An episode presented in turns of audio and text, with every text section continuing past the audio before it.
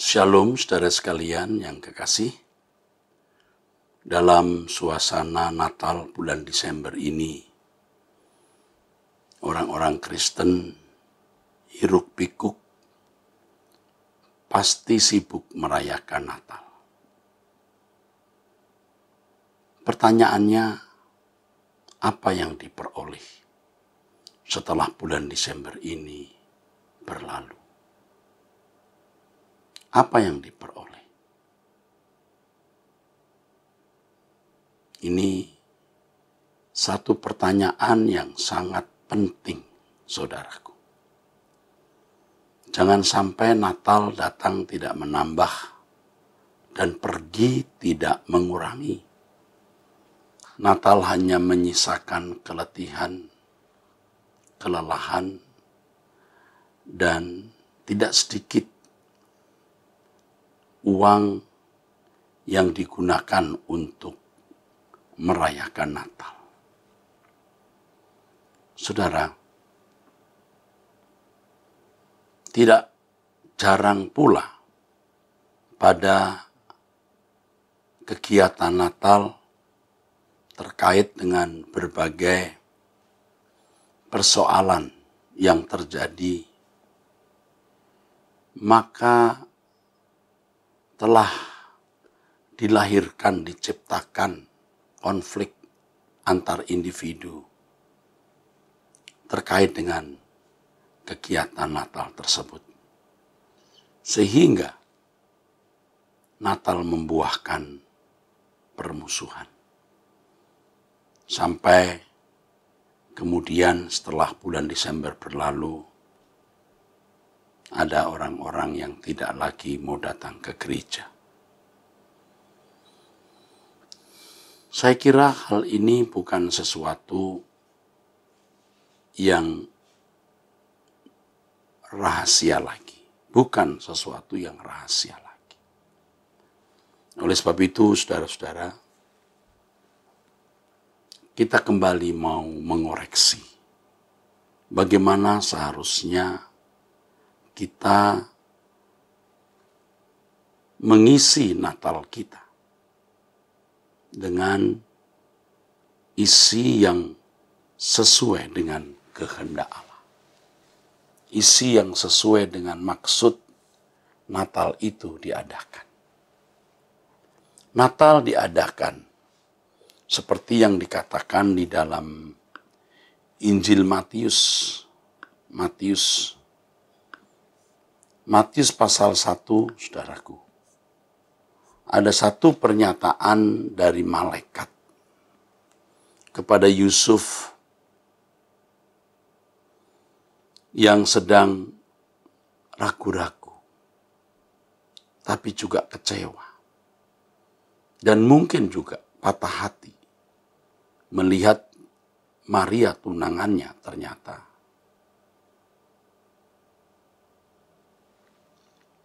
mengandung. Ini suatu pengkhianatan. Pasti Yusuf tidak melihat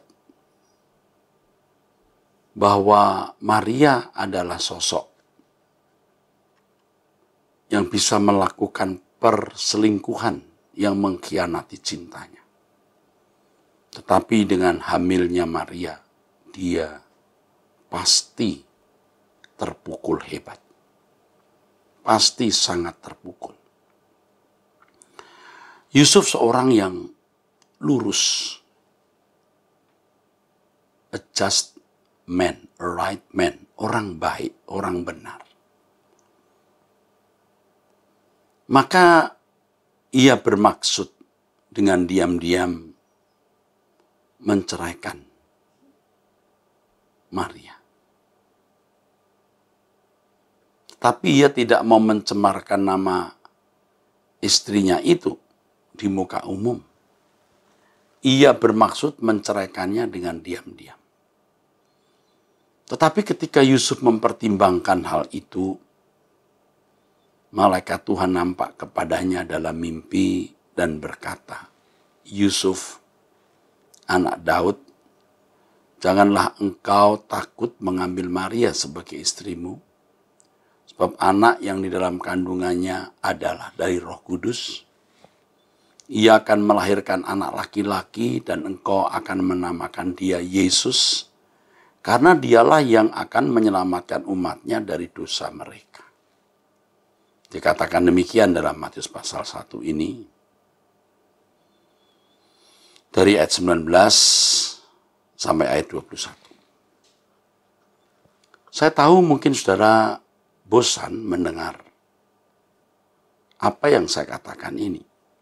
Ia datang untuk menyelamatkan umatnya dari dosa mereka. Kalimat yang sudah sering kita dengar selalu diperdengarkan pada bukan saja bulan Desember tapi juga bulan-bulan yang lain jelas kok menyelamatkan umat. Dan saudara yang sering mendengar saya berkhutbah,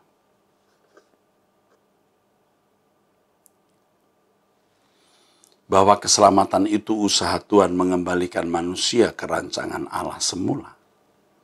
Juga sudah sangat hafal dengan pernyataan itu. Bahkan di antara jemaat yang sering mendengar pernyataan saya ini,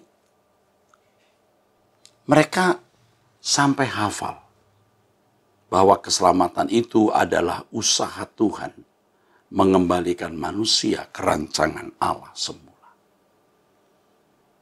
Nah, yang sekarang saya benar-benar mau persoalkan sebelum tahun ini berlalu dan kita menyongsong tahun yang baru.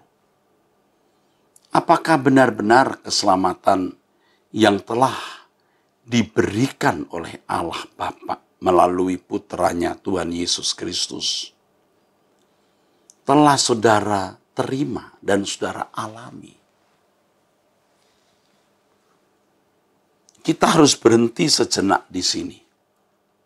Dan kita harus benar-benar serius untuk memperkarakan apakah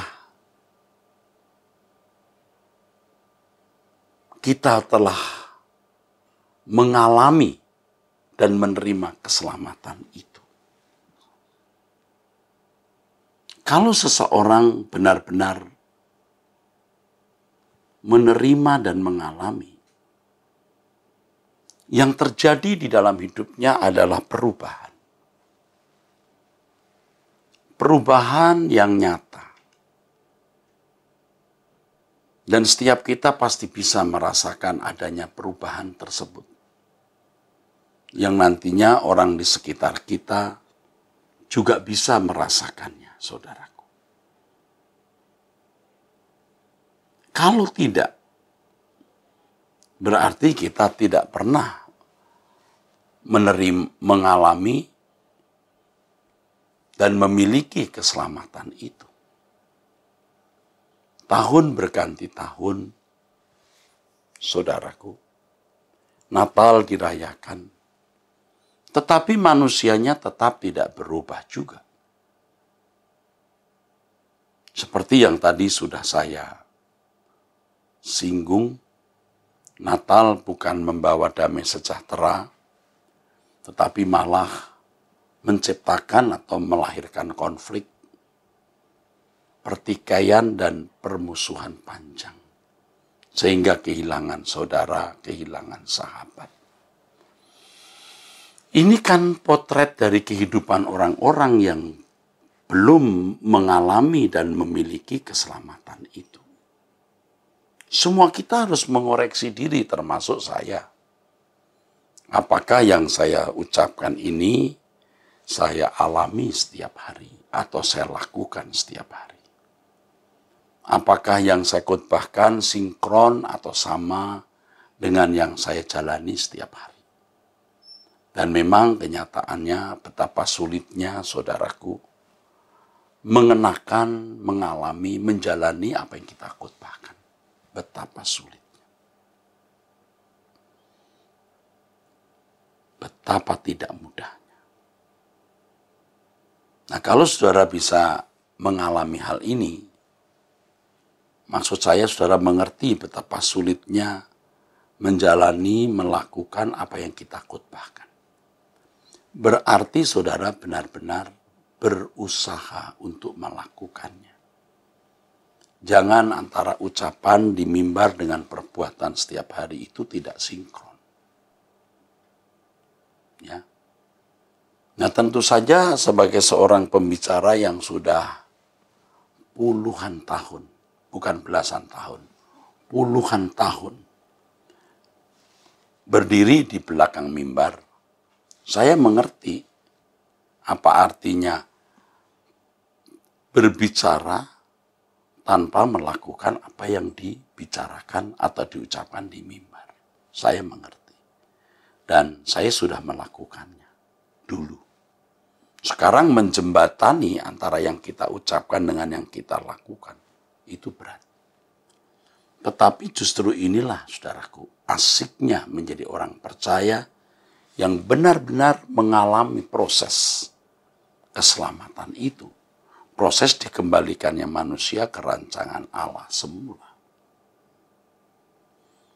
Setiap hari yang kita lakukan, saudaraku, membawa diri kita di hadapan Tuhan. Setiap hari. Dan kita benar-benar minta dikoreksi oleh Tuhan. Apakah ada kebiasaan-kebiasaan yang kita lakukan yang mana hal itu mendukakan hati Allah. Pasti hal-hal yang kita lakukan mendukakan hati Allah itu bisa memang menyenangkan diri sendiri, saudara. Tetapi pasti melukai orang lain. Pasti merugikan orang lain. Pasti tidak menjadi berkat bagi orang lain. Nah ini penting kita lakukan. Ini mutlak, saudara. Semutlak kita makan dan minum. Semutlak kita membersihkan diri dengan mandi, memakai sabun, supaya tubuh kita sehat. Semutlak bagi wanita berdandan supaya tidak berantakan. Semutlak itu pula kita mendandani manusia batiniah kita di hadapan Allah. Sampai saudaraku, kita makin hari makin mengenali diri kita. Dan ternyata, wow, banyak dosa, kebiasaan, sikap hati kita yang salah. Saya sering menggambarkan hati kita seperti bawang merah yang kita kupas, wah kita pikir sudah selesai. Ternyata masih ada. Kita buka kupas lagi, kita pikir sudah beres, sudah selesai, sudah baik. Ternyata masih ada lagi. Wah, kok bisa begitu? Iya. Firman Tuhan mengatakan bahwa hati itu lebih licik dari segala sesuatu. Nah, kalau kita rajin membawa diri kita di hadapan Allah, kita bisa mengenali kelicikan-kelicikan kita. Kalau pendeta kelicikannya bukan hanya di pergaulan. Kalau dia tidak bertobat, mimbar pun bisa menjadi sarana dia untuk melakukan kelicikan-kelicikan guna maksud-maksud tertentu. Dan tentu saja hal itu juga sudah pernah saya lakukan. Dan saya tidak mau melakukannya lagi. Takut saudaraku nanti, wah di balik kubur bisa mati saya. Ketika di hadapan pengadilan Tuhan, wah mati saya. Nah, saudara, seperti bawang merah dikupas masih ada, dikupas masih ada aduh ada saja ya kekurangan, kelemahan kita. Roh Kudus akan menggarap kita dan menunjukkan kekurangan-kekurangan dan kelemahan-kelemahan kita. Supaya tuntas, supaya selesai.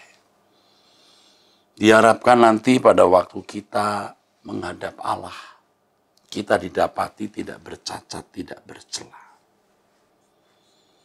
Saudaraku, jadi kita harus melihat pengertian diselamatkan di sini. Tuhan mau, saudaraku,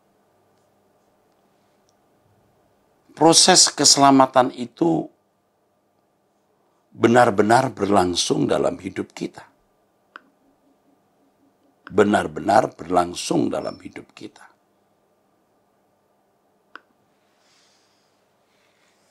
Jangan sampai kita rajin ke gereja, tidak mengalami perubahan. Aktif mengambil bagian dalam pelayanan, tapi tidak mengalami perubahan. Wah, lebih konyol lagi, saudara menjadi pendeta, tapi tidak mengalami perubahan.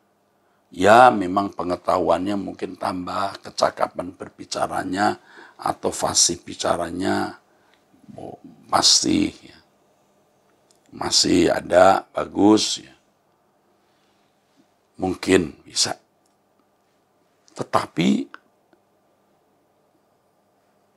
tetapi saudaraku sekalian, tidak mengalami perubahan. Perubahan untuk menjadi seperti Yesus.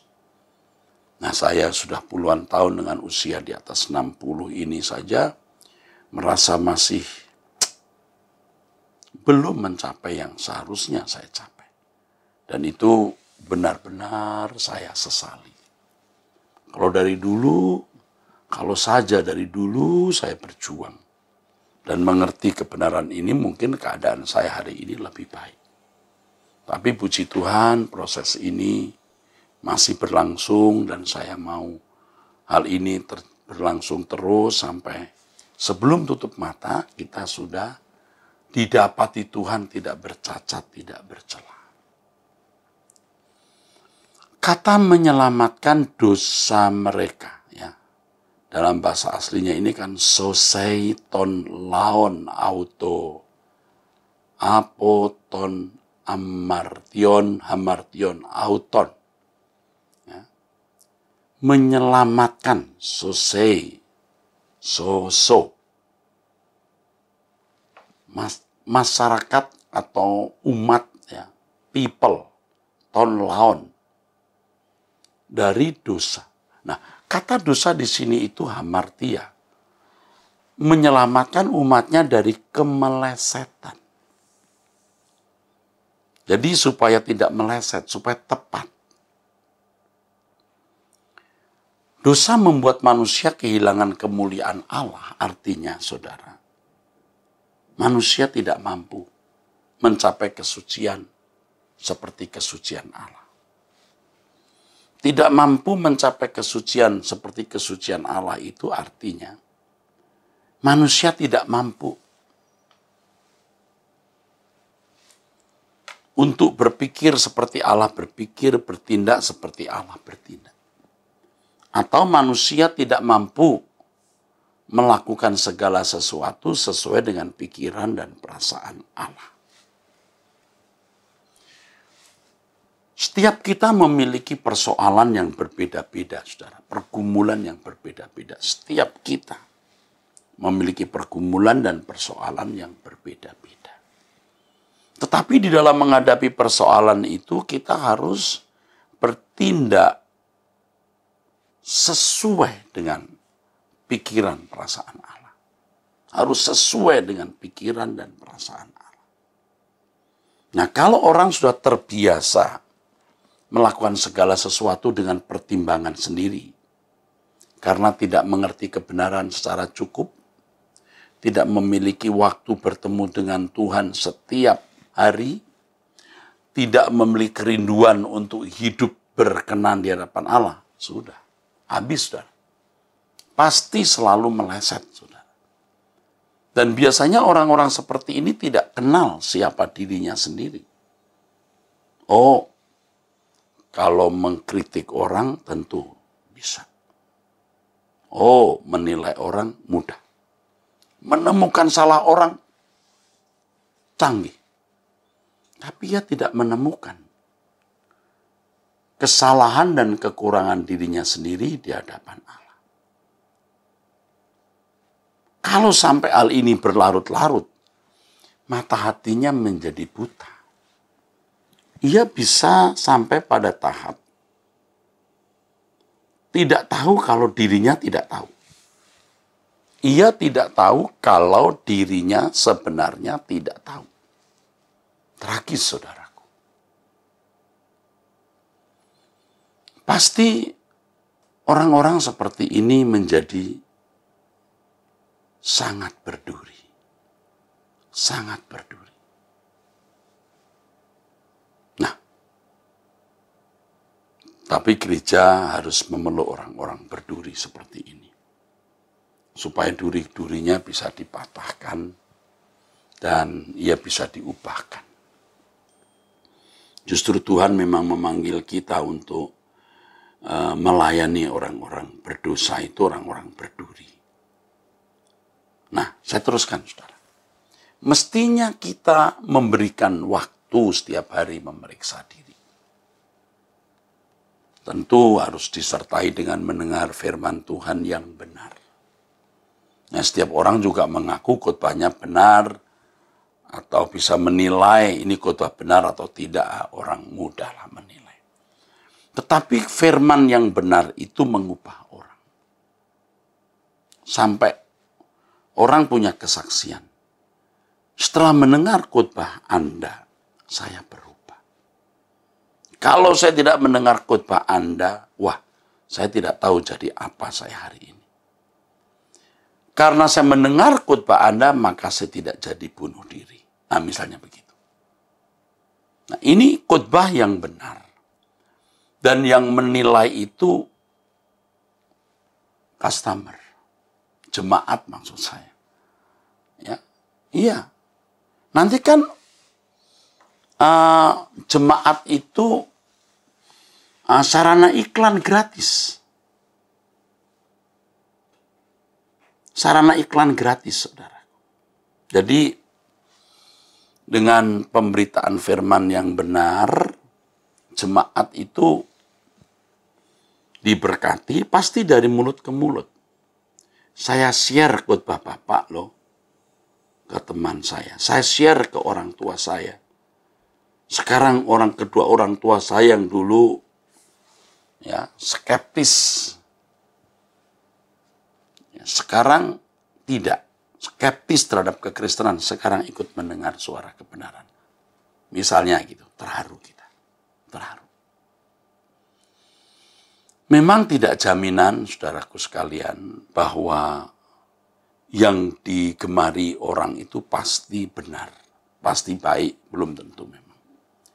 Tetapi kalau sampai orang merasa membutuhkan lalu mencari, pasti sesuatu itu baik. Nah, itulah sebabnya saudara harus menemukan suara kebenaran. Menemukan khutbah yang baik. Saya mengatakan ini tidak bermaksud untuk berkata, dengarkan khutbah saya. Jangan dengarkan khutbah orang lain. Oh, enggak begitu. Enggak boleh. Ya, kita semua ini bukan Tuhan. Firman Tuhan itu bisa dipahami dan diberitakan oleh banyak orang. Tetapi saudara harus benar-benar selektif untuk menilai apakah kebenaran itu kebenaran yang murni, yang mengubah atau tidak. Kita rasa. Nah, kecuali saudara memang tidak ingin berubah saudara mendengar khutbah, saudara tanpa membuktikan kebenarannya. Karena Anda memang tidak mau berubah, yang penting khutbah itu menarik aja. Atau ya karena gerejaku aku dengar pendetaku. Begitu kan? Nah, enggak jangan begitu. Ya. Sekali lagi saya tidak bermaksud mengatakan kalau saya ini suara kebenaran paling benar. Oh, enggak boleh. Enggak bisa begitu. Enggak. Saudara harus mendengar firman yang benar dan mulai merasa khotbah ini mengubah hidup saya. kebenaran itu membuat saudara akan peka terhadap pikiran perasaan Allah. Makanya harus mendengar firman. Firman yang benar. Yang kedua, tadi saya sudah katakan, harus setiap hari minimal 30 menit duduk diam di kaki Tuhan. Yang ketiga, tekad, niat. Jangan sampai tekad kita menjadi kurang. Ya. Berkurang karena perhatian kepada dunia atau segala hal yang lain. Kita memang harus bekerja, kita harus betul-betul fokus terhadap banyak tanggung jawab dan kegiatan. Harus. Tetapi kita melakukan semua itu untuk Tuhan. Dan kita percaya di balik kegiatan tersebut, Allah mendidik kita untuk memiliki kedewasaan rohani. Kedewasaan rohani yang membuat kita makin menjadi seperti Yesus itu, saudaraku. Jadi, mendengar firman mutlak harus firman yang mengubah. Yang kedua, duduk diam di kaki Tuhan itu mutlak. Yang ketiga, tekad yang kuat untuk benar-benar hidup tidak bercacat, tidak bercelah.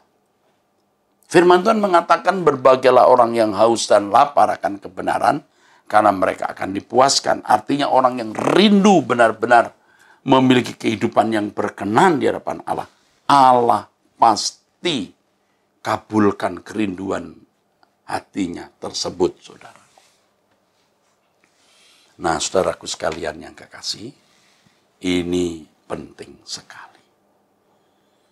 Jangan sampai Anda tidak pernah bisa mengerti firman Tuhan. Mendengar, tapi tidak mengerti. Rasa mengerti, tapi sebenarnya tidak mengerti. Buktinya apa? Tidak berubah.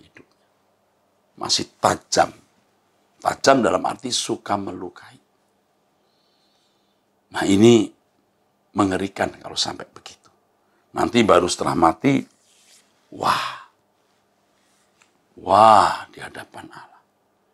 Terbongkar semua. Bawangnya belum dikupas, bawang hatinya, bawang batinnya belum dikupas. Ciri yang saya bisa tunjukkan juga kalau orang itu memang tidak serius hidup suci ya tidak serius, tidak niat untuk mencari perkenanan Tuhan, dia pasti tidak betah berdoa lama.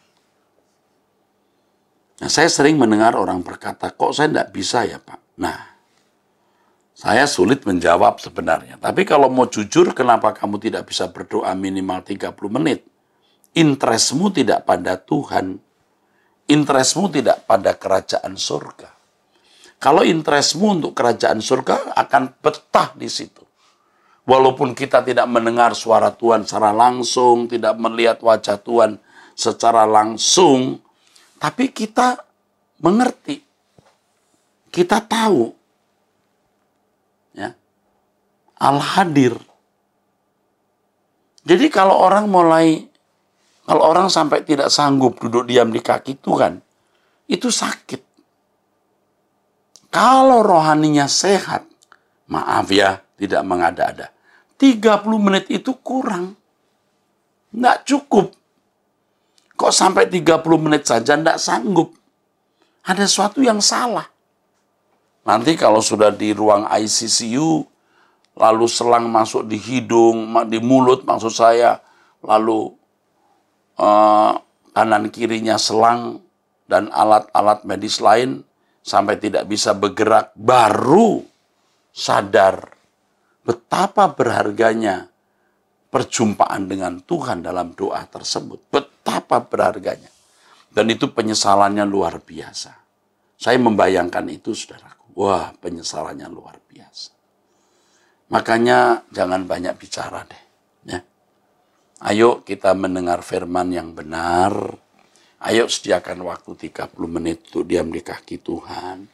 Dan bulatkan tekad kita ya, untuk mengalami proses keselamatan, yaitu dikembalikannya kita ke rancangan Allah semula, artinya makin hidup tidak bercacat dan tidak bercela. Ayo bulatkan itu. Nah, interest kita, perhatian kita kepada yang lain harus dikurangi. Atau kalau kalimat dikurangi itu tidak tepat, didasari. Semua kegiatan kita didasari maksud motif melayani Tuhan. Didasari itu, saudaraku. Saya tidak mengancam, saudaraku. Tetapi sebagai juru bicara Tuhan, yang mendapat kesempatan berbicara ini. Saya peringatkan saudara. Kalau sampai saudara tidak mengalami proses keselamatan, saudara celaka sekali. Celaka. Memang hari ini rasanya aman-aman saja. Sebab orang lain juga begitu kok Pak. Ini Masalahnya orang lain juga begitu aman-aman saja. Hati-hati saudara. Dulu waktu anak saya yang pertama, yang sekarang sudah menikah dan sudah memberikan cucu untuk saya. Masih kecil, masih SD saya ingat saya. Dia mau membeli uh, mainan Waktu itu Nintendo atau apa gitu sejenisnya itu. Waktu itu terjadi kebakaran di Glodok Plaza. Saya ada di situ, saudara. Jadi saya sedang ada di situ, saya bersama istri, dan satu lagi bersama dengan seorang teman. Teman ini lama berdomisili di Australia. Ini dia di Jakarta, sudah di Jakarta, ya, berteman dengan saya. Lalu waktu saya ke Glodok Plaza mau beli mainan untuk anak saya, Stephen, ya, saya ajak dia. Waktu itu kita sedang makan di food court. Makan, lalu kita duduk, lalu disajikan makanan. Tidak lama kemudian, saudara ada asap. Asap dari satu arah. Nah, waktu itu saya pimpinan asrama. Pimpinan asrama memiliki naluri yang lumayan peka, sensitif, mungkin juga agak paranoid. Kalau mencium bau apa namanya kabel yang kosong lalu asap, oh itu reaksi lebih cepat. Saya terlatih dengan reaksi itu. Jadi saya begitu melihat begitu, langsung saya tinggal makanannya. Ya tentu mesti dibayar dulu. Saya berkata kepada teman saya, tolong bawa istri saya nunggu di bawah. Saya naik ke lantai empat gitu kalau tidak salah, tempat parkir. Ditariknya lah istri saya. Nunggu di uh, bawah. Jadi parkir lantai 4 langsung turun ya, seperti spiral gitu. Saya masih ingat waktu itu saya masuk lift. Sudah masuk lift, masuk dulu orang-orang baru masuk. Karena banyaknya orang masuk lift yang juga mau ke lantai 4. Wah, liftnya nggak mau nggak mau naik. Ya, saya punya naluri pendeta lagi nih. Mosok Orang nggak mau mengalah. Ya sudah, sudah, sudah. Saya dari dalam saya keluar. Begitu saya keluar, liftnya jalan. Wah, akhirnya saya lari, saudara. Lari di jalan spiral itu yang menuju lantai empat. Waduh, tinggi banget. Tapi karena waktu itu saya masih muda, saudara. Kalau sekarang mungkin sudah tidak sanggup. Lari saya. Naik Waduh, saudara, kalau orang lagi kebakaran itu, saudara, sudah. Ya, orang tuh bisa tidak jadi manusia lagi. Saling berusaha menyelamatkan diri sampai wah mobil wah bisa bisa berkelahi gara-gara mau siapa yang lebih dulu. Nah, pelajaran yang saya dapat adalah tidak lama mobil saya turun, saya bawa istri dan teman saya itu keluar. Wah, api tinggi sekali. Nah, saya masih ingat pelayan toko dan orang di situ berkata, oh bapak nggak apa-apa pak, masih jauh. Udah makan bu, tenang, tenang. Tenang, tenang, makan dulu pak, makan dulu, nggak apa-apa. Saya tidak dengar itu. Saya lari. Seandainya waktu itu saya masih tenang-tenang makan, mungkin saya termasuk korbannya. Mati saya, saudara. Mati saya. Kepang, ke, kepanggang, saudara. Nah sekarang saudara diingatkan ada asap. Dunia akan berakhir. Ini kan teriakan seperti yang dikatakan di Matius pasal 25. Mempelai datang, mempelai datang. Ada peringatan. Peringatannya lewat apa? Dunia yang makin sulit. Gempa, perang, bencana. Ini semua suara Tuhan. Mempelai datang, mempelai datang. Belum lagi, saudara. Belum lagi, saudara tahu apa? Tuhan berkata kalau Injil Kerajaan Surga sampai ke ujung bumi, Tuhan datang. Nah, dengan adanya teknologi transportasi dan komunikasi yang maju ini, bumi sudah diisi atau mendengar Injil. Nah, ini sudah sebuah isyarat yang jelas, signal yang jelas bahwa Tuhan akan datang kembali. Nah, kalau saudara masih sibuk dengan dunia dengan segala kesenangannya, Natal percuma. Natal percuma. Anda akan binasa nanti. Ayo kita rendah hati. Periksa diri dan banyak bicara. Kenali diri sendiri, bertobat. Kepada para pejabat pendeta di mana saya menjadi ketua sinode, saya berkata, tiarap dulu deh. Udah nggak usah banyak bicara, tiarap dulu. Apalagi masa COVID ini, kita mau bikin apa sih? Tiarap dulu.